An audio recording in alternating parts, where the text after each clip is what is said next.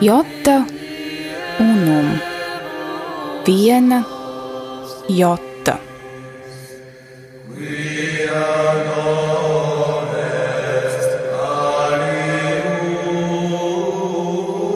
Tradīcija, skaistums, kas paceļas pāri laikam. Skaistais ir patiesa, skaistais ir labs.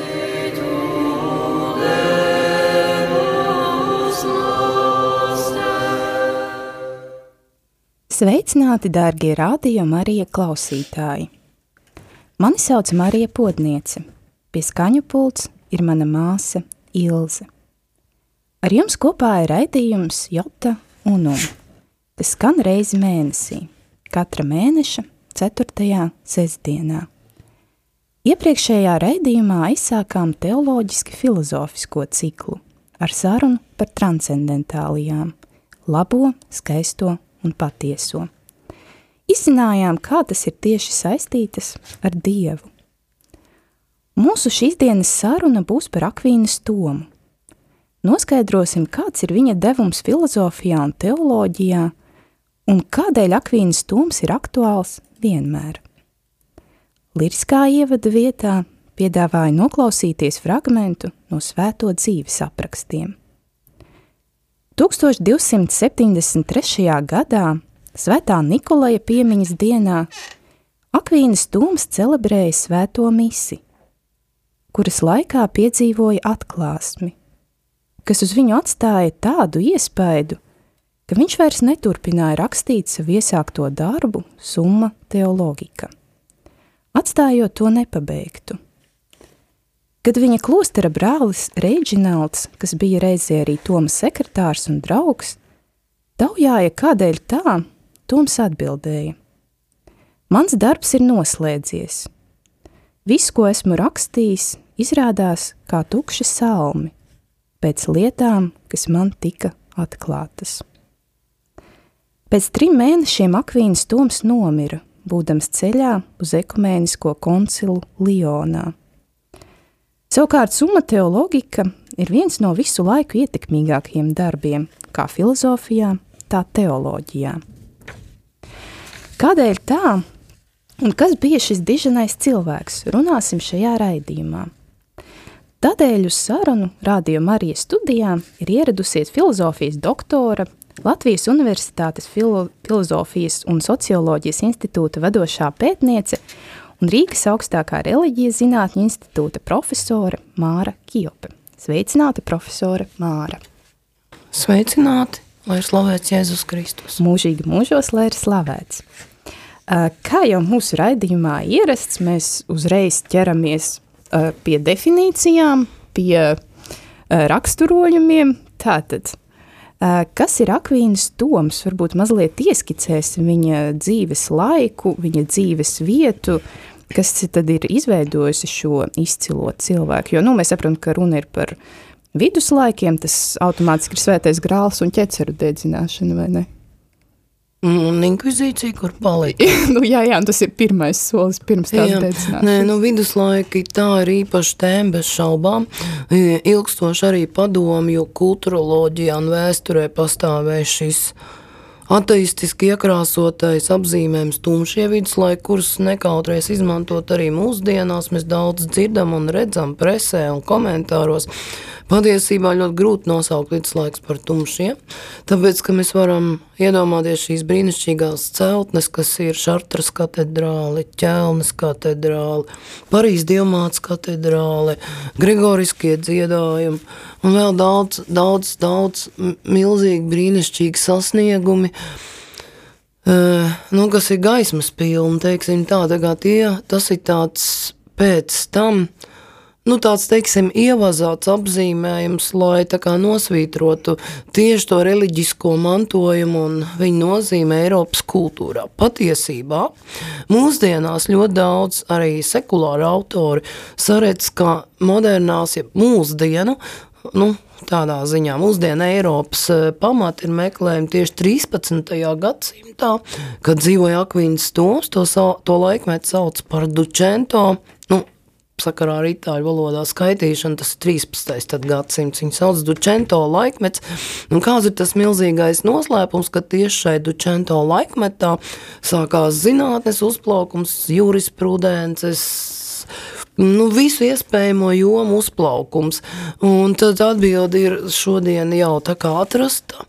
Un atbildi tāda, ka uh, īstenībā uh, sakrājās milzīgs daudzums zināšanu, kas saistījās pēc Kristus atnākšanas ar svēto rakstu egzeģēzi. Mm. Lai, piemēram, izskaidrotu, nu, piemēram, lai tulkotu veco derību uz grieķu latīņu valodu, ja, precīzes vārdu nozīmes bija jāzina, bet, lai skaidrotu, ja tā tad ap Bībeli tika veidots milzīgs korpus skaidrojošās literatūras, ja, un tad, piemēram, lai izskaidrot, vai 30, nu, tie graši, kurus iedeva ah, jūdam, jā. vai tas bija daudz vai maz, jā, mm -hmm. mēs redzējām, ka Ukraiņas robežsarga, Baltkrievijas robežsardas priekšniekam iedod tieši 30 grāšus mm -hmm. kaut mhm. kādas, ja?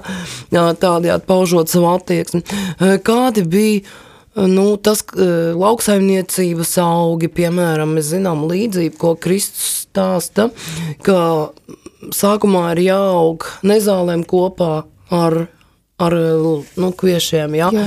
Un mums varbūt tas tā neliekas pareizi, bet tur ir tomēr tādas sugas, ja? kas, kas tiešām kas tā aug. Ja? Un šī, lai saprastu šīs līdzības, lai labāk tulkot, lai labāk skaidrotu.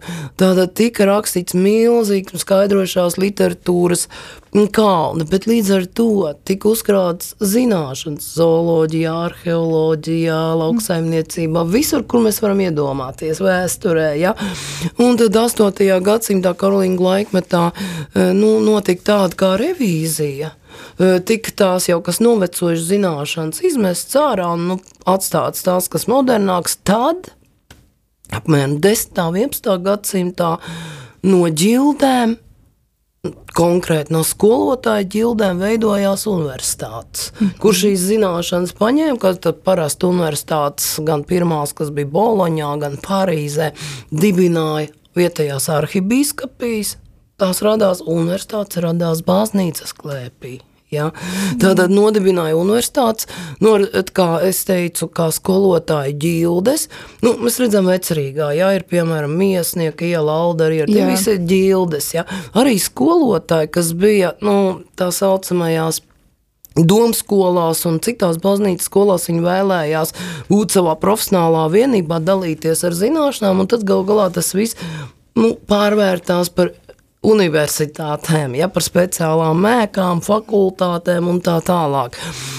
Tas ir Dučento laikmetā tieši tās visas zināšanas bija tik ļoti sakrājušās, un universitātes jau pietiekami izveidojušās. Akvins Toms strādāja Parīzes universitātē. Mm, bet viņš pats ir francūzis? Nē, viņš ir itālis. Tātad, tu pabeigšu šo tematu, tātad, tātad e, šajās universitātēs tas milzīgais daudzums, kas radās tāpēc, lai skaidrotu, lai labāk saprastu Dieva vārdu, mm -hmm. ja tika apstrādāts un kļuva par modernās zinātnes pamatu. Tad Akvīns Toms, ja mēs jautātu, kurā gadā viņš dzīvo, mēs varam vienmēr to uzzināt, paraugoties uz gadskaitli, kas ir iegravēts Virs durvīm Rīgas svētā Jēkab katedrālē, kad tika uzcelt šī katedrāla, 1225. gadā piedzima arī Akvīns Toms.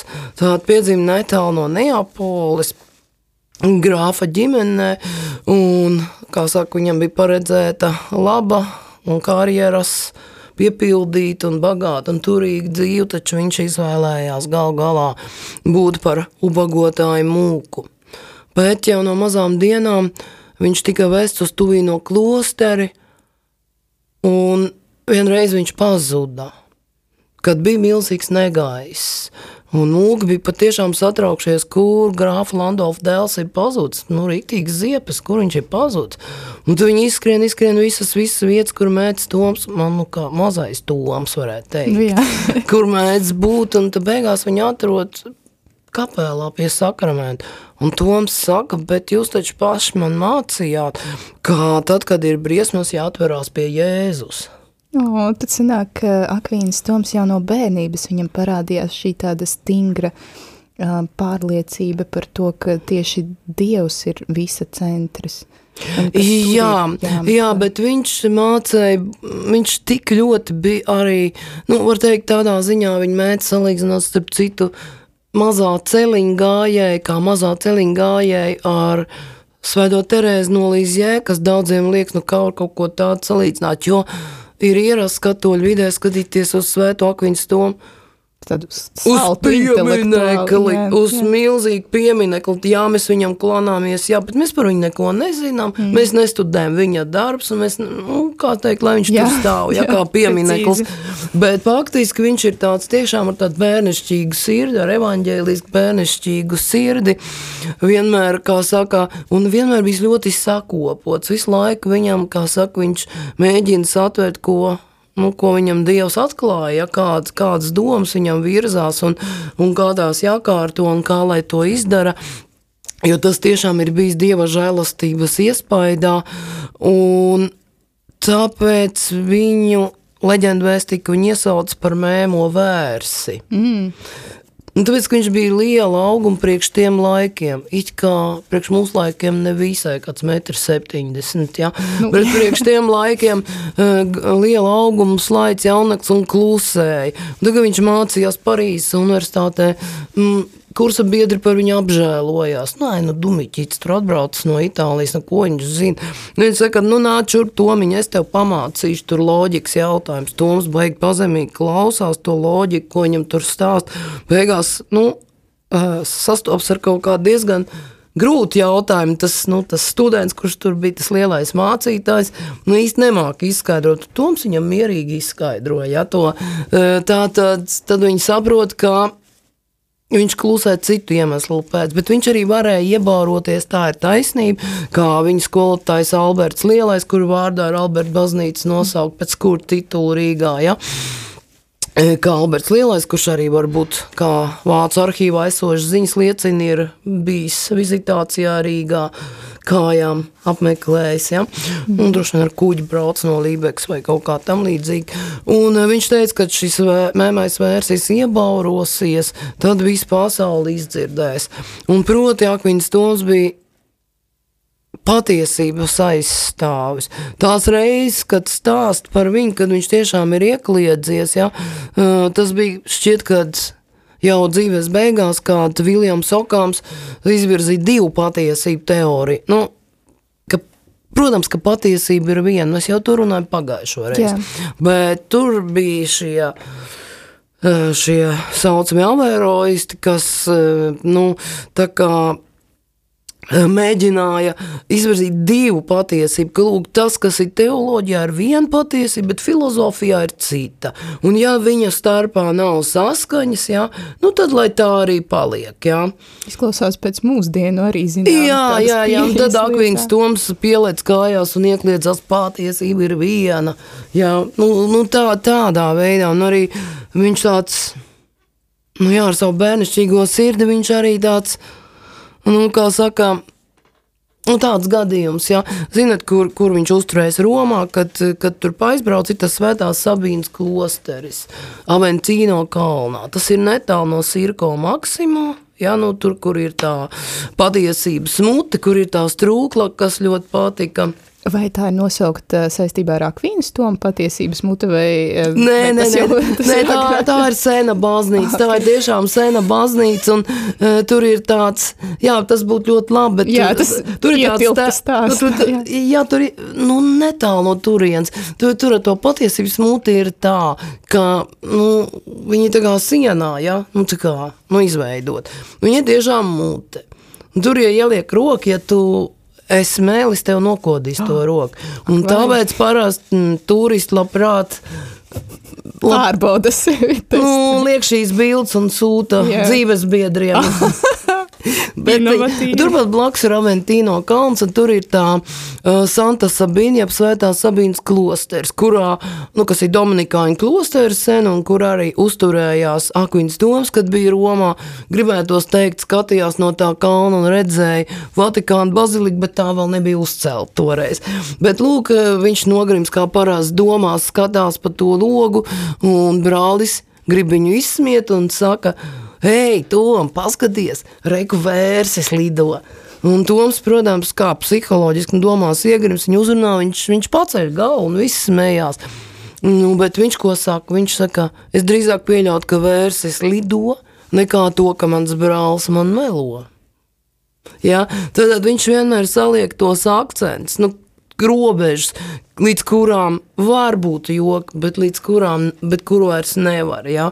Nu, tur, protams, arī situatīvi jāskatās. Tātad es gribētu, lai mūsu Latvijas katoļi redz akviņu stomu kā dzīvu cilvēku. Vēl mums bija, protams, strīdi, ja drīkst par to runāt. Drīkst, šeit drīkst. jā, jā, jā. Tātad strīdi par to, mīra viņš 46 gadu vecumā, strīdi par to, eh, ka viņu vēlākās gleznās attēlo kā tādu diezgan brangu vīru. Jā, jā, Bet viņš bija faktiski askēts. Ja? Viņš tiešām bija liels askēts un vienkārši kā domā šodien pētnieki, kaut kur uz 40 gadu vecumu, iespējams tā bija cukurslimība vai kaut kas tāds, eh, kādēļ viņš nu, pieņēmās miesās. Bet es varētu teikt, ka es biju Viterbo pilsētā, kas atrodas apmēram 100 km dienvidiem no Romas. Tur ārā, ārpusē pie baznīcas ir tāda nu, kancele ārpusē, ja? no kuras Toms esot eh, sprediķojis etruskiem, evanģelizējis etrusks, stādieties mm. priekšā 13. gadsimtā. Nu, es nezinu, tur diezgan grū, grūti būtu nostāties. Iesās brangam. Jā, jā, jā, tieši tā. Tā kā redziet, ir ļoti daudz mītu, ir tādi stereotipi, bet eh, galvenais, ko es gribētu, nu, lai ļaudis iemīl svēto Akviņas tomu, lai pazīst viņa domas, varbūt lai lasa, cik iespējams viņa darbs ir kaut kāda darba, kurus taču var tomēr izlasīt, vai tā būtu ētika vai kaut kas cits. Latviski, protams, Ā, ir pieejami latviski. es tieši gribēju nē, jautāt šo. Latvijas, Ā. diemžēl, nav pieejama. Mm -hmm. Un, jā, protams, ir krieviski pieejama, ir angļu, jā, visās jā. valodās. Jā. Mm. Nu, šķiet, tas būtu jāizpilda mums šis tukšums, manuprāt. Noteikti. Jo, nu, tiešām, jā, jo mēs Akvīnas tomu bieži tiešām uztveram kā tādu attālinātu simbolu. Tas bija dišs cilvēks, kurš ir teicis labas lietas, bet ko tieši viņš ir teicis un kas ir šis ieguldījums, mēs, nu, zinām diezgan aptuveni. Nu, ieguldījums īsi sakot, ir tāds, ka viņš pirmais rādīja oriģinālu kristīgo filozofiju tikai 13. gadsimtā. Viņš apzināja visu, kas ir bijis grieķu filozofijā, tātad sākot ar 6. gadsimtu pirms Kristus, visu, kas ir bijis kristīgajā filozofijā, tātad no 1. gadsimta līdz 13. viņš spēja to visu sakārtot vienotā sistēmā, sākot ar to, kā ir uzbūvēta mm, realitāte. Beidzot, kā to, kāda ir cilvēka izziņas struktūra, kāda, kāda ir ētiskie principi, uz ko balstīties. Tātad cilvēkam, lai viņš varētu orientēties pasaulē, ir ārkārtīgi svarīgi, lai viņam būtu vienota pasaulaina. Un Akvins Toms to izdara filozofijā. Mm -hmm. Kā ir ar um, šo vārdu salikumu Aristoteļa kristīšana? Aristotelis taču bija Nu, nu, vīris Toma laikā. Jā, jā tas, ir, tas ir, ko es, mēs esam laikā runājuši ar studentiem. Es vienmēr saku, interesanti, kā viņi varēja kristīt. Viņš jau cik tur 15, ne, 25 gadsimts bija stagīrs zemē. Kā. Um, Tātad ir, redziet, atkal tas ir, ka ir iegājušies tādi stereotipi, kā mēs kaut kādas lietas nosaucam. Mm, Tas, ko izdarīja uh, Akvins Toms, proti viņš padarīja arī, nu, viņš šķīstīja Aristoteļa filozofiju, kura tika uz to brīdi, kura ienāca Eiropā atkal caur arābu filozofu komentāriem, un kuriem tā, tā tad bija klāt, ka jūs saprotat, nu, islām ticībai tāds raksturīgi, nu, domas pavērsieni. Mm -hmm. Un, eh, un eh, Agvins Toms attīrīja ja, un izmantoja izmantoja Aristoteli, bet arī ļoti daudz papildināja. Ja? Tā, lai, lai veidotos tā vienotā sistēma, viņš ļoti rūpīgi studēja, papildināja, lai veidotos tā vienotā sistēma, jo pamatā Eiropas kristīgā filozofija bija, nu, ja tā drīkstē teikt, platoniska. Mm -hmm. Tas ir balstījās uz Platonu, neoplatonismu, bet Aristoteles kaut kur ap 3. 4. gadsimtu pazuda, Aleksandrijas biblioteka tika nopostīta, viņa darbs turpināja pētīt tā saucamie Sīrie, Sīrijas kristiešu zinātni, zinātnieki, kuri pēc tam tika uzaicināti Islām šeiha galmā, Un, jo viņš tomēr cienīja zinātni, filozofiju, mākslu, un viņi tā tad iepazīstināja arābu pasauli mm -hmm. ar, ar uh, Aristoteļa darbiem, un tālāk caur arābu pasauli, tātad, kur gan bija iespiedusies arī Spānijā, un tieši caur Toledo tulkošanas skolu, kad to atkal kristīgie karaļi atkaroja šīs vietas Spānijā. Ja? Tieši tādā tas Aristoteles tika tulkots uz latīņu valodu, un tad Parīzes arhibīskapī, kas atbildēja par ticības tīrību Parīzes universitātē, teica, jā, loģiku varam mācīties no Aristoteļa, daudz ko citu, bet metafiziku nē. Jo tur ir piemaisījumi, kas, kas nāk no tā, tiem islāma komentāriem. Un, Akvins Toms teica, un kādēļ nē, vai ne? Mm. Un, kā sakāt, nopietni izlasīja un izstrādāja, paņēma no Aristoteļa ļoti būtisks princips, kas atrisināja nu, daudzas uz, tā, uz to laika nu, tādas akūtas filozofijas problēmas. Bet, ja skatāmies no šodienas viedokļa, viņš nepaliek tikai tajā Dučento laikmetā, Tā tad, tā tad Jā, nu, respektīvi, kas notiek šajā brīdī? Vai Akvīnas Toms ir aktuāls arī mūsu laika filozofiem? Viņš jā. ir jālasa, vai ne? Obligāti. Nu, ir tā, ka visi uh, lielākie filozofi, kas ir pasaulē, vienalga, kaut viņi būtu postmodernisti, mm -hmm. franči, ja, vai, teiksim, analītiskās tradīcijas sekotāji Amerikā, viņi ir lasījuši Akvīnu Tomu. Mm -hmm. Akvīnu Tomu lasot, tu nevari nu, viņu atkārtot, bet viņu lasot ar tevi pašu kaut kas notiek, tu mainies savā domāšanā, un tu atveries uz tādu domāšanu, kas ir tieši tavējā domāšana. Mm. Jā. Viņš ir uh, tāds veids, kas paver kaut kādas lietas. Jā, potences. viņš paver, un tā otrs moments ir, ka tas, ko viņš ir izdarījis, tas šodien sāk aizvien lielākā mērā atklāt, tur jau ir izdarīts tas, ko tikai š, līdz kam šodien filozofija ir savā pašapziņā aizgājusi. Piemēram, 20. gadsimtā bija aktuāla valodas filozofija. Ja tā, kad, eh, piemēram, hermenētikas atjaunotais Hans-Georgs Gādamers, kad uh, rakstīja savus darbus, uh, Viņš konstatēja, ka viss jau ir pateikts tā saucamajā latīniskajā pasaulē, tas ir viduslaika filozofijā, un jau sevišķi Akvīns Tomo, ka pēc būtības tur ir izcināts tās problēmas, tikai varbūt citos terminos, bet iedomājies, cik ir pagājuši. Seši, septiņi gadsimti, mm -hmm. kamēr sāk saredzēt, ka viņš jau to ir pateicis, ja, un ka viņš jau ir risinājis. Un tā varētu minēt loģiskās problēmas, izziņas problēmas, ļoti daudz, kur tikai šodien filozofija aiziet līdz tam, ka sāk to risināt, un tāds spēja arī ieraudzīt, ka tas jau ir bijis Akvīns Tomam. Hmm, tad, uh arī, nu, viņš ir arī tādā tīri pat sekulārā nozīmē, jā, ja mēs skatāmies. Es runāju viņš, tieši jā, jā, par sekulāro jā, jā, mēs šajā brīdī runājam, jā, par to, ka viņš ir spējis dot ļoti daudz arī uh, Mm, jā, pat abstrahējoties no šīm nu, reliģiskā aspekta, par ko mēs noteikti arī runāsim. Un tad varbūt šajā brīdī uh, mazliet pārtrauksim mūsu sarunu, lai noklausītos skaņdarbu, kura, vār, kura vārda autors ir Akvīnas Toms.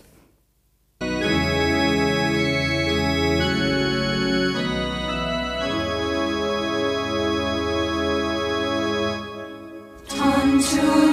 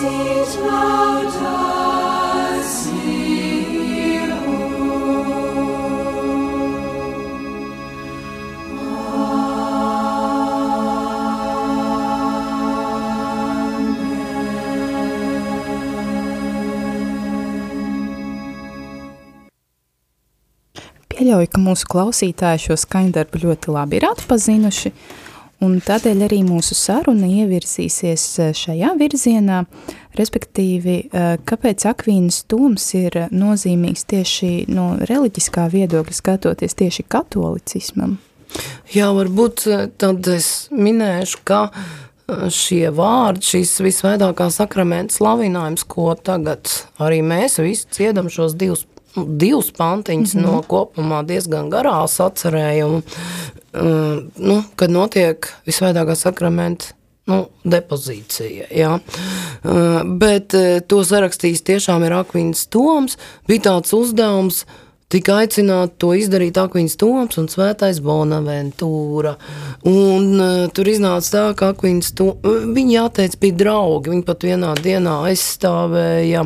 Bet viņi Ai, diezgan strīdējās. Uh, viņi abi konkrēti, nē, bet jā, starp franciskāņiem un dominikāņiem pastāvēja domstarpības, jā, uh, tiešām. Un arī no franciskāņu puses varbūt nāca tie uzbrukumi, ko viņi nesaprat, pārnec starp citu tieši Akvīns Tomam, ka viņš izmanto pagānu filozofu Aristotelu, kurš taču ir teicis, ka pasaule ir mūžīga, nevis radīta. Ja? Mm, jā, Uz ko Akvīns Toms atbildēja, ziniet, bet spriežot pēc tekstu analīzes, mēs varam pieļaut, ka Aristotelis būtu varējis arī pieļaut pasaules radīšanu, ja vien viņš zinātu, ka tā mm -hmm. tas ir bijis. Ja? Nu, tādā veidā Akvīns Toms nekad neteica, uh, ka vajag par katru cenu uh, nu, es nezinu, ar lozungiem aizstāvēt savu ticību, jo tas apkauno ticību. Viņš teica, neļausim smieties par savu ticību, neapkaunosim to. Spēsim runāt, saprast šīs lietas, izskaidrot, un tas ir brīnišķīgi. Nu jā, tā tad. Tajā dienā Akvīns Toms nolasīja šo dzējoli svētā, nu, veltījumu himnu visvētākajam sakramentam, un Bonaventūra piecēlās, teica, ka viņš savējo nemaz nelasīs, ja tur viss ir skaidrs. Jā, kā Skaists piemērs. Jā, kā Akvīns Toms ir brīnišķīgi uzrakstījis, un tā tas ir palicis baznīcas, kā saka, liturģijā līdz pat šim laikam. Un Jā, kāda ir nozīme katolicismam? Tiek uzskatīts, ka tieši tāpēc, ka Akvins Toms filozofijas līmenī, kas organiski pāraugt teoloģijā, bet paliksim pie filozofijas līmeņa, kur viņš tātad izveido vienot pasaules ainu no visām tām filozofijas daļām, kas interesēs tātad par to, kāda ir pasaule, ja tā metafizika, kādi, cik lielā mērā cilvēks var vai nevar to izzināt, kā viņam dzīvot šai pasaulē, tad attiecīgi izziņas teorija un un ētika, ja tad kā galvenās filozofijas nozars, viņš izveido vienotu pasaules ainu, kas cilvēkam, 13. Eh, gadsimta cilvēkam un pēc tam, ja, ļauj tikt galā ar pasauli, saprast pasauli. Tiek uzskatīts, ka pateicoties Akvīnas Tomam katoliskā baznīca spēja pārvarīt reformācijas radīto krīzi. Mm. Un vēl tik kontrreformācijas priekšgalā esošie jezuīta Loyolas Ignācija kā vadītāji bija tie, kuri savā izglītībā, kur joprojām tā tā tie pamati tika ielikti viņu racio studiorum, ja? un līdz pat šim brīdim, līdz pat šai dienai, jezuītu nu, formācijas pamatā ir akviņas toma filozofija. Ja? Mm. Un mēs pat varētu teikt, eh, paskatīties Lojāls Ignācija vingrinājums, kur viņš pats saka, eh, atklāt pasaka, ka viņš eh, ņem no Akvīnas Toma, ja to izpratni par izziņu struktūru un tālāk viņš to, ko Dievs ir devis, kā viņš saprot un apraksta, es domāju, lojāli. Ja? Jā. Tātad, kā izmantot atmiņu, kā izmantot prātu, kā izmantot gribu. Ja? Laikā saka, nu, pavērt sevi, uh, nu, tā, lai ļautu darboties Dieva žēlstībai. Tā ir akvīns toma izziņas teorija. Ko viņš izmanto? izmanto? Protams, dod šo dāvanu, dod Dievs. Ja? Jā. Šo ideju par vingrinājumiem man resas upes krastā, bet tas ir tas nosaucamais mirkļa apgaismojums, iluminācija, nu, kas, kas ir, bet nu, nevienmēr viņš ir. Ja? Nu, jā. bet tas vēl ir jāspēj izskaidrot. Tur pagāja divi, trīs gadi, kamēr Lojāls Ignācijas uzrakstīja, izstrādāja tos vingrinājumus.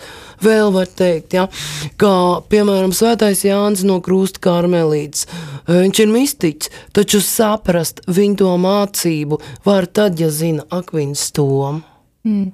Un vēl varbūt es gribēju, lai jūs um, pakomentētu uh, par tiem filozofiskiem jēdzieniem, kas ir palīdzējuši izskaidrot teoloģiskas lietas, pieņemsim, substanci. Es saprotu, ka tas laikam ir arī Akvīnas toma. Nu. E, nu, tā, tā, tā ir metafizika, ja, mm -hmm. kā mūsdienu filozofijā saka ontoloģija, mācība par esamību. Jā. Ja? Un e, tur ļoti svarīgi to lūk substanci, jā, nu, tas ir kaut kas, kas, kam ir spēja pastāvēt. Viņš nevar sevi izsaukt, vai tas nevar sevi izsaukt esamībā, ja? bet ir pietiekami spējīgs pastāvēt. Kāpēc? Nu, tur neiedziļināmies vairāk, bet kāpēc tas svarīgi? Tāpēc, ka teoloģijā ir transsubstances jēdziens, jeb pārvēršanas jēdziens.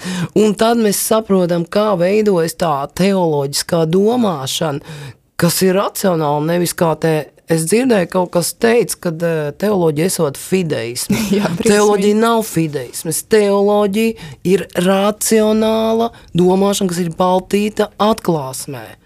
Un kas noliec racionālismu, kas pārspīlē prāta lomu, bet no otras puses arī fideismu, kas noliec prāta lomu. Ja?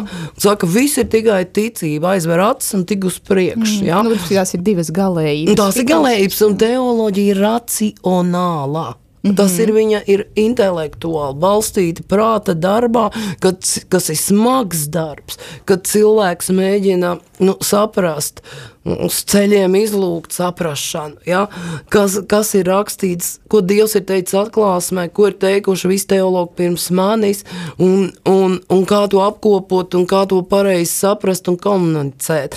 Akvins Toms teikt teologams ir visu laiku divkāršā komunikācija. Pirmkārt ar svēto garu, otrkārt ar ticīgo kopienu. Ja? Mm. Viņš, viņš nebija atrauts. Nē, viņš daļu, cilvēkam ir jāsaprot, teologam ir jāsaprot augstākās ticības patiesības, lai viņš spētu tās skaidrot kopienai. Mm -hmm. Jā, tas nav pašmērķis. Tas nav pa, nē, nē, protams. Es visu zināšu, bet jums neteikšu. nē, noteikti, nē. Tur arī ļoti atšķirās akvīns tom pieeja. Nu, tas vispār ir kristietības pieeja atšķirās no gnostiskās, ja. Mm -hmm. Kristus pats saka, es jums visu kā draugiem esmu atklājis, ja. Ir gnostiķi, kuru, kuros sakņojās arī ļoti daudzas mūsdienu herēzijas, jā, teiksim, New Age un uh, dažādas tādas, uh, tādas uh, strāvas. Viņas, uz ko, viņas balstās uz to, ka, lūk, mums tagad būs ļoti īpašas zināšanas, kuras mēs nevienam neatklāsim. Ezotēriskas zināšanas, slepenas. Mēs pieslēgsimies šim informatīvajam laukam. Un mēs būsim tie, kuriem tad būs vārdi. Ļoti bieži tas ir arī politiķu domāšanas veids, bet tas ir nekristīgs. Mm. Jo Kristus saka, ja es jums visu kā draugiem atklāju, un attiecīgi arī Akvīns Toms, un jebkurš teologs vai kristīgais filozofs, ja, viņš nemēģina nu, spēlēt šādas spēles, bet tieši, nu, lai kalpotu kopienai, saprast, lai kalpotu kopienai, labāk iz, izskaidrot ticību, labāk izskaidrot realitāti. Mm -hmm. Tas varbūt uh, mazliet atgriezīsimies, lai klausītājiem būtu uh, skaidrs par šo transubstancijas jēdzienu, kas attiecas konsekrāciju. Jā, varbūt paskaidrosim, kāpēc bija svarīgi šis Akvīnas Toma skaidrojums. Jēdzienu, Tāpēc, ka tiešām transubstancijas jēdzienu iz, nu, izstrādāja arī šai Dučento laikmetā ārkārtīgi attīstījās teoloģija, kas bija tā kā visu zinātņu zinātne, un starp citu, kā Akvīns Toms māca visas pārējās zinātnes, arī būtībā ir teoloģijas.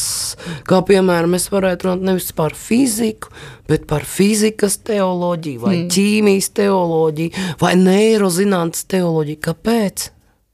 Tāpēc, ka viss ir daļa no esamības. Un... Tāpēc, ka teoloģija ir aicināta slavēt Dievu. Nu, jā, un visam ir jābūt Dieva slavēšanai. Tieši tā, tieši tā arī jebkurām, jeb, ar psiholoģiju, pie psiholoģiskā teoloģija varētu būt, kurai ir jāslavē Dievs. Tas ir jebkuras zinātnes uzdevums. Protams, ja jūs šodien iesiet, nezinu, universitātēm pateiksiet, ka vispār jums visiem te jābūt teologiem. Būtu Dievs jāslavē, nevis jāslavē.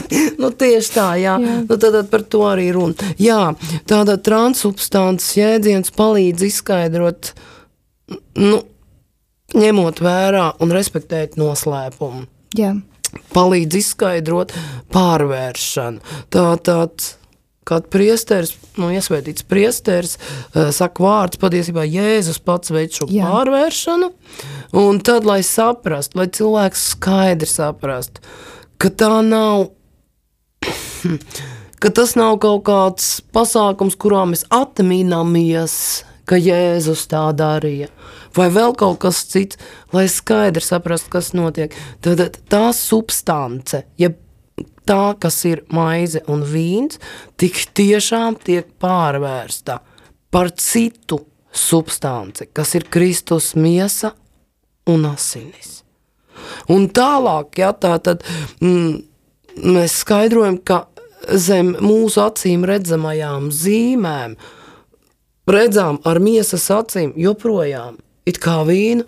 Mm -hmm. ja? Un mā, nu, maizi, ja? Jā. sacīsim tā, lai mūsu saprašana ieslēdzas, ka tik tiešām tās ir jau vairs tikai zīmes, zem kurām ir apslēpts reāli Kristus. Ja? Un lai cilvēki to, nu, lai tas tā uh, ska, būtu skaidri saprotams, šī nu, transsubstances, nu, metafiziskā koncepcija, viņa ļoti skaidri, nu, tā kā, es nemāku pateikt, saliek orientierus cilvēku mm -hmm. domāšanā, kas metafizika ir, viņa tā kā likuma, bet likuma nes, ko izdomā cilvēks, bet kas cilvēkam ir doti prātā, prāta darbībai, un kas ir jāatklāj un jārespektē. Jā, tāpat kā zemnieks dzen vagu, uh, nu, pēc, nu, pēc kārtas aizdzen līdz galam vienu vagu laukā, tad jā. otru. Jā, ja sāks braukāt šķērsām, ražas nebūs. Un tas ir, ko, kas notiek mūsdienu pasaulē. Ja? Notiek šķērsu krustu braukšana un nekāda augļa nav. Tāpat esmu dzirdējis par diezgan šo nu, briesmīgo nu, no teoloģiskā viedokļa. jā, jēdzienu par konsubstanciju, vai, vai nu, tas respektīvi ir šāda herētiska ideja par to, ka tā reizē ir Kristus miesa un asinis, bet blakus tai ir arī maize un vīns. Nu, tā kā tā ir kaut kāda daļa, daļējā pārvēršana. Nu, tur kāds teologs varētu komentēt, bet kā tu man izstāstot, tas, protams, ir Nu, tas jocīgi ir. Jā, tur transubstances domāšana neatstāja vietu nekam citam, mm. kā vienīgi skaidrs saprast to, ko Kristus pats ir izdarījis, kādi, nu, tā tad iedibināja visvētākos nu, sakramentus. Nu, jā, jā, pieturēsimies pie Toma tomēr. Labāk. Jā, jā, jā, labi, labi. Novitātes ir labas, ne, ne, es domāju, eh, tīri tajā jēdzienskajā ziņā. Nu, novitātes, nu. bet ne šajā ziņā, ne šajā ziņā. Saprotiet, metafīzika, ja tas ir likums. Tur tas tā īpatnība ir tāda, ka cilvēka domāšanai būtībā ar realitāti tikai nenokrītiet no krēsla, nu tāda īsta sakara nav.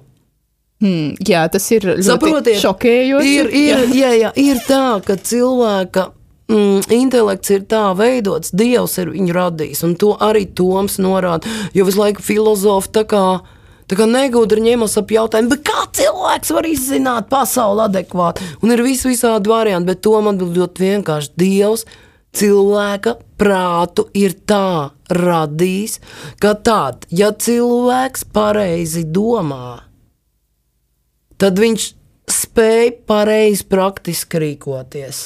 Tas nozīmē, nav jābūt ar daudziem akadēmiskiem grādiem, lai spētu pareizi domāt.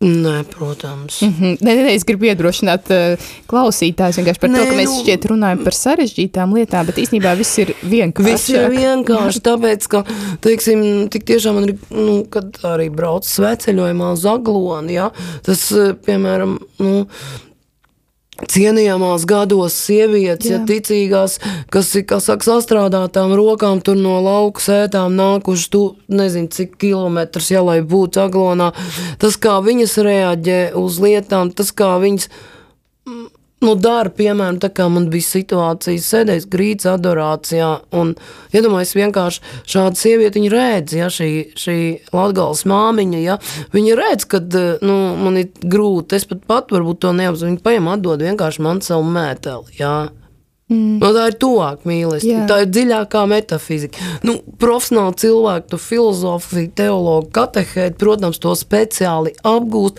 lai spētu arī savā veidā nodot tālāk mm -hmm. tradīciju, skaidrojot. Ja? Jā, jā. Jo, ja cilvēki, nu, tad. Ja ne, tas... ne, mēs šeit to nemazinam arī ne, ne, intelektu lomu. Bet, jo, jo pretējā jā. gadījumā mēs nonākam pie tā, ka, nu, tā kā bija suitos, vai tā kā bija Latgalē, mm. kad sākās reformācija un apmēram, nu, 40, 50 gadu laikā cilvēki pazaudēja saprāšanu. Ja? Nu, Katehēta nebija augstākā mm -hmm. reliģija zinātņu institūta, toreiz nebija. Ja? Jā. Ja?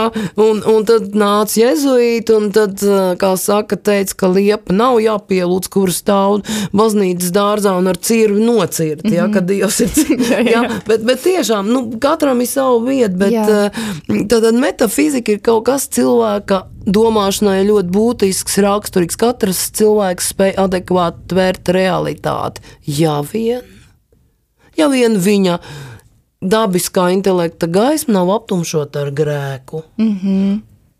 Jā, tieši tā. Ka, nu, mums visiem ir iespēja, ko mēs mēģinām ar Māru jums atklāt, ka ikvienam ir iespēja pietuvoties Dievam neatkarīgi no viņa tādas intelektuālās apdāvinātības vai neapdāvinātības. Protams, ja ir spējas, tad tās ir jāizmanto un ir jāizzina, cik vien mēs spējam. Tāpēc arī nu, šis raidījums ir tapis un mēs jums skaidrojam lietas. Uh, Un, bet uh, jebkuram cilvēkam ir iespēja sasniegt dievu, jo nu, diez vai dievs būtu mūs radījis, lai mēs ne, nespētu. Nē, bet tuvoties. arī jebkuram cilvēkam ir tomēr jācenš, cik viņš spēj izzināt. Jā, dievu. jā, neapšaubām. Turklāt tu pareizi saki, jebkuram, jebkurš cilvēks ir aicināts uz līdzdalību dieva esamībā. Ja? Mm. Un viņš ir saistīts, kā Ladusants, sla, pasaules slavenais latviešu un brazīliešu filozofs skaidroja, Jēzus tēvs. Jebkurš cilvēks ir saistīts ar Dievu, kā filozofi teikt, ontoloģiski. Nu, savā esamībā mēs nevarētu nevienu sekundi pastāvēt, ja Dievs mūs neusturētu. Jebkuru no mums arī ateistu. Mm. Bet otrs līmenis ir, ka mēs brīvi izvēlamies, nu, vēlamies atvērties Dievam, saistīties ar viņu. To mēs tad saukt varbūt ar reeligāre, no jauna saistīties ar mm -hmm. Dievu, apzināt pēc savas brīvības, bet tik viens cilvēks ir aicināts. Jā. Tad uh, mēs sākumā uh, mazliet pieskārāmies pie Akvīnas Toma šī dižākā darba, summa teologika. Uh, Un tad varbūt uh, mazliet atklāsim šo to par šo darbu. Pirmkārt, ko tas nozīmē? Tā ir teoloģijas summa, kā mēs to iztulkojam. Jā, mēs varam tā to iztulkot. Tur ir sakopot Nu, tā ir tā sistemātisks izklāsts par, eh, par nu, visiem faktiski uz to laiku. Nu, sistemātisks teoloģijas jautājumu izklāsts, izmantojot bez šaubām filozofijas iestrādes un veidots ir. Um, Nu, varbūt jāpasaka, ka tā tad pēc tā gadījuma, ar ko sākās šis raidījums, ja, kad bija īpaši dieva atklāsme Akvīnas Tomam, Un viņš teica, viss, ko esmu uzrakstījis, jā, ir salmi. Jā, tad viņš īsti nepabeidz līdz galam visas iecerētās nodaļas summā teoloģika. Bet mazliet es gribētu komentēt, ka tas, ka viņš saka, ka tas ir viss salmi, ja visiem patiktu teikt, ka nu viss viņa dzīves... Tam nebija jēgas. Nu, tam nebija jēgas, tas bija sviests un viss, nu nē, tā nav. Jo tad viņš būtu milzīgs grēcinieks, milzīgi grēkot pret Dievu žēlastību, kas viņam tika dot, lai izdarītu to visu, ko viņš viņš izdarīja, ko viņš uzrakstīja. Viņš tikai saka salīdzinājumā, kad piedzīvoja šo atklāsmi, ja, e, kad tas darbs, lai cik milzīgs bija, nu viņš arī nebija, nu, es domāju, nu, naivs vai infantils, lai nespētu novērtēt, ka tas ir liels darbs, ja ko viņš ir izdarījis. Bet viņš paskaidrot pret pret dzīvā Dieva mm. klātbūtni. Ja? Tas, nu, vēl kas tiek apsolīti, varbūt, un kā viņi izskatīsies, ja drīkst ar vienu atsteņu ieskatīties, varbūt tajā brīdī viņš varēja ieskatīties, kā izskatīsies debesīs, ja? nu, nu, protams, pret to tas nav vispār nekas. Ja?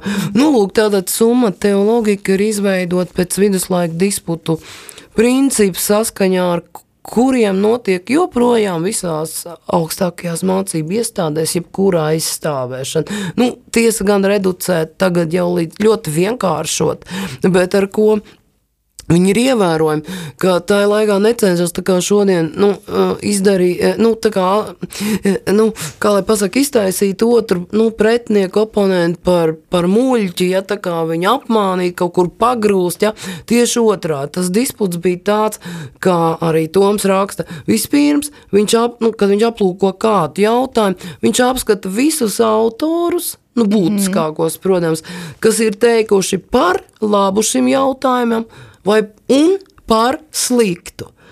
Kāda ir iebildumi? Visu viņš apskata, jā. Tad viņš atbild, dod savu skaidrojumu, un pēc šī, šīs daļiņas, pie katra jautājuma, kas saucās respondeo, ja tad atbild, viņš atsevišķi atbild uz katru, kas bija pirms tam.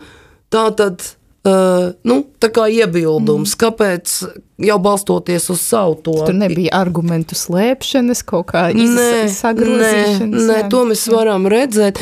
Tāds pats stils ir arī tā saucamajā summā pagāniem, kur, kas ir gentiles, nav domāta īstenībā pagāni, tas ir tieši domāts teoloģijas patiesība, komunikācija vienkāršiem cilvēkiem. Mm. Ja, ja gentiles ir tauta, tauta, jā, ja. jā summa teoloģija, tad vairāk ir speciālistiem, mm. varētu teikt, nu, bet summa kontragentiles, tas ir pret iebildumiem, kas varētu nākt no tāda, nu, vienkāršota prāta, tā varētu teikt. Bet tad varbūt jūs ieteikums būtu sākot iepazīties ar Toma darbiem, ir tieši lasīt tautai adresē to, varbūt, tas jā, ir vienkāršāk. Ne? Jā, jā, jā, mm -hmm. jā. Jā, tad varbūt jā, tas būtu ieteikums. Vēl var arī uh, lasīt, protams, dažādās valodās, var lasīt šos darbus ētikā uh, par dvēseli. Nu, piemēram, krievu valodā ir, ir, ir mm. daudz. Nu, mm -hmm. Varbūt Krievu valodā ir tulkots ļoti labs zinātnisks izdevums ar visām latīņu parindēm. Tātad summa teologika ir, mm -hmm. ir darbi, nu, fragmenti no darbiem par dvēseli, vēl citi. Latviski, kā jau teicu, diemžēl tas viss mums priekšā, bet lielajās valodās, kā angļu, franču, vācu, itāļu un tā tālāk, protams, arī mēs varam lasīt pilnībā. Tīpaši angļu valodā, kas ļoti daudziem ir tagad pieejama, tiek uzskatīts ka nu, tad bija tāds projekts visas pasaules mērogā, kur saslēdzās vienotā tīklā visas universitātes un pētniecības centri, kas nodarbojas ar to pētniecību, un tā kā pārrevidēja vai no jauna pietulkoja klāt tekstus, un Tie, kā saka, viņi papa faktiski viņi ir internetā pieejami. Mm -hmm. Jā, bet oriģinālā Toms rakstīja latīņiski, vai ne? Jā. Mm -hmm. jā, jā, kā visi tā laika zinātnieki. Tad varbūt uz pašām raidījuma beigām pieskarsimies atkal tomēr tiem salmiem, vai mēs varam teikt, ka šie salmi ir cilvēcisko prāta spēja ierobežotība, un ka, nu, ka principā, ka šie salmi ir labākais, ko cilvēka intelekts ir spējīgs, Un tad šīs atklāsmes priekšā, ka mums ir tā iespēja vai nu būt saīgušam, vai arī just tādu aizrautību. Jā, nu, Akvīnas Toms uz šo jautājumu atbildēt manā personā. nu, tāpēc jūs šeit esat. Jā, jā. Agvīnas Toms atbildēja tā, ka cilvēkam tik tiešām ir pazemībā jāpieņem uh, tas prāta stāvoklis, kas viņam ir dots. Tātad mm -hmm. cilvēka prāts ir galīgs ierobežots. Ja? Tieši tāpēc Dievs nāk palīdzīgā un dod atklāsmi. Jo ir jautājumi, par ko cilvēks prāts jautā, bet kur nekādu nevar iegūt atbildi. Piemēram, labi, kas būs ar mums pēc šīs dzīves? Mm -hmm. Paskatieties, cik daudz ir atbildes. Nē, nu mēs desmit tūkstoši reizes pār, pār, pārdzimsim, vai atkal nekas nebūs, ja mēs paliksim par putekļiem vai ko. Bet atklāsmes saka, ir viena dzīve, ja, pēc tam nāve un tiesa un mūžīgā dzīve. Mm -hmm. Tur vai tur. Jā, jā. Jā, tātad šī, šī ir atbilde, ko mēs varam gūt tikai no paša Dieva. Un cilvēkam tas ir normāli. Cilvēks aptuveni starp visā esamības hierarhijā ir apmēram pa vidu, jo tas ir atkarīgs no tā, kā kaut kādā būtnē ir aktualitātes un potenciālitātes attiecības. Ja tas nozīmē, ka mums ir apmēram dots tikpat daudz spējas, cik mēs spējam nu, viņus padarīt. Nu, Tātad aktīvas. Mm -hmm. ja? Tātad šīs iespējas padara, nu, mums varbūt ir vairāk iespējas, bet nu, es esmu dzēnieks vai mūziķis, bet, ja es ar to nenodarbojos, tad viņas tur arī paliek. Mm -hmm. Vai varbūt izpaužas kādā ģimenes lokā. Ja, vai tam līdzīgi. Ja? Bet eh, tā tad arī atbilstoši šim apmēram vidusstāvoklim, visa esošā hierarhijā, jeb visā tajā pasaules uzbūvē, arī ir cilvēkam dots viņa prāts. Pietiekam, pietiekams, lai viņš būtu spējīgs tvērt dievu.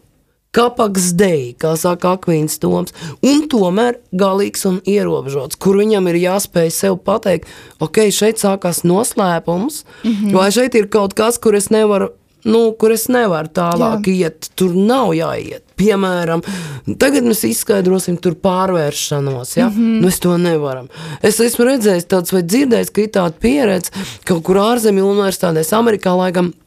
Cilvēks gandrīz prātā sajūta, ka viņam, ka viņam lekcijās tiešām esot mēģināt skaidrot nu, fizikas, no bioķīmikas viedokļa, kas notiek pārvēršanā. Kā tur tā cita realitāte? Mm -hmm. Tur iestājas dievišķā realitāte. Tavs prāts nav priekš tā, viņš nevar to satvērt. Tātad, kad mēs redzēsim Dievu vaigu, vaigā, svētlaimīgajā mūžībā, tad mēs arī, kā saka, nu visu, jā, tieši jā. tā. Jā, skaidrs. Jā, paldies jums liels par šo sarunu, un mēs noteikti turpināsim. Par Tomu. Nu, mēs turpināsim varbūt ne gluži par to, bet Toms tiks pieminēts, jo mēs redzam, ka mēs bez viņa nevaram. Nē, mēs bez viņa nevaram. Jā. Labi, paldies jums, Māra. Mm, nākamajā raidījumā, kā jau es solīju, runāsim par destruktīvām filozofiskām idejām, kas izkropļo mūsu realitātes uztveri. Sauksim tās vārdā, atpazīsim, lai arī jūs atpazītu. Tādēļ noteikti pievienojieties mums nākamreiz. Redījums Jotunum aicina uz tradicionālo latīņu svēto misiju ogrē, kas kā ierasts tiek celebrēta mēneša 4. svētdienā, tas būtu rītdien, pulkstens 12. Aicinām arī parakstīties par tradicionālās ģimenes jēdzienu nostiprināšanu satversmē. Tāpat mēs redzam, ka arī sinodālais ceļš nav noslēdzies, ņemsim aktīvu dalību tajā, rosinot padarīt tradicionālo latīņu misi pieejamu visā Latvijā un it īpaši Rīgā. Iepriekšējā raidījumā iepazīstināju ar skaistu mūsu klausītāju vēstules paraugu sinodāliem ceļam, bet vēstulē nav jābūt tik garai un pilnai ar vēsturiskām atsaucēm, un um, tādēļ es piedāvāju um, variantu, kādu es esmu sacerējis un nosūtījis, respektīvi vēstule varbūt pavisam vienkārša, um, Piemēram, lai atbildētu uz daudzu ticīgo pastorālajām vajadzībām un pastorāliem labumam, aicina Latvijas iedzīvotājiem padarīt plašāk pieejamas tradicionālās latīņu svētās mises, it īpaši galvaspilsētā.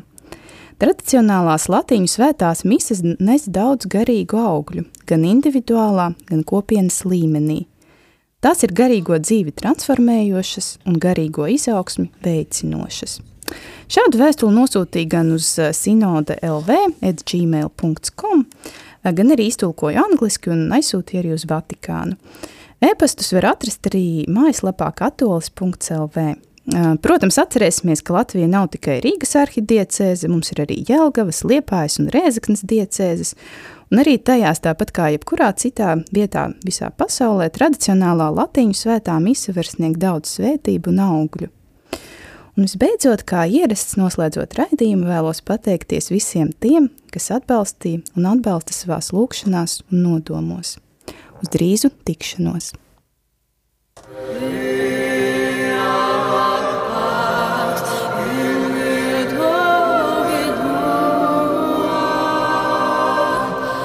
Raidījums Jota Unum ir izskanējis.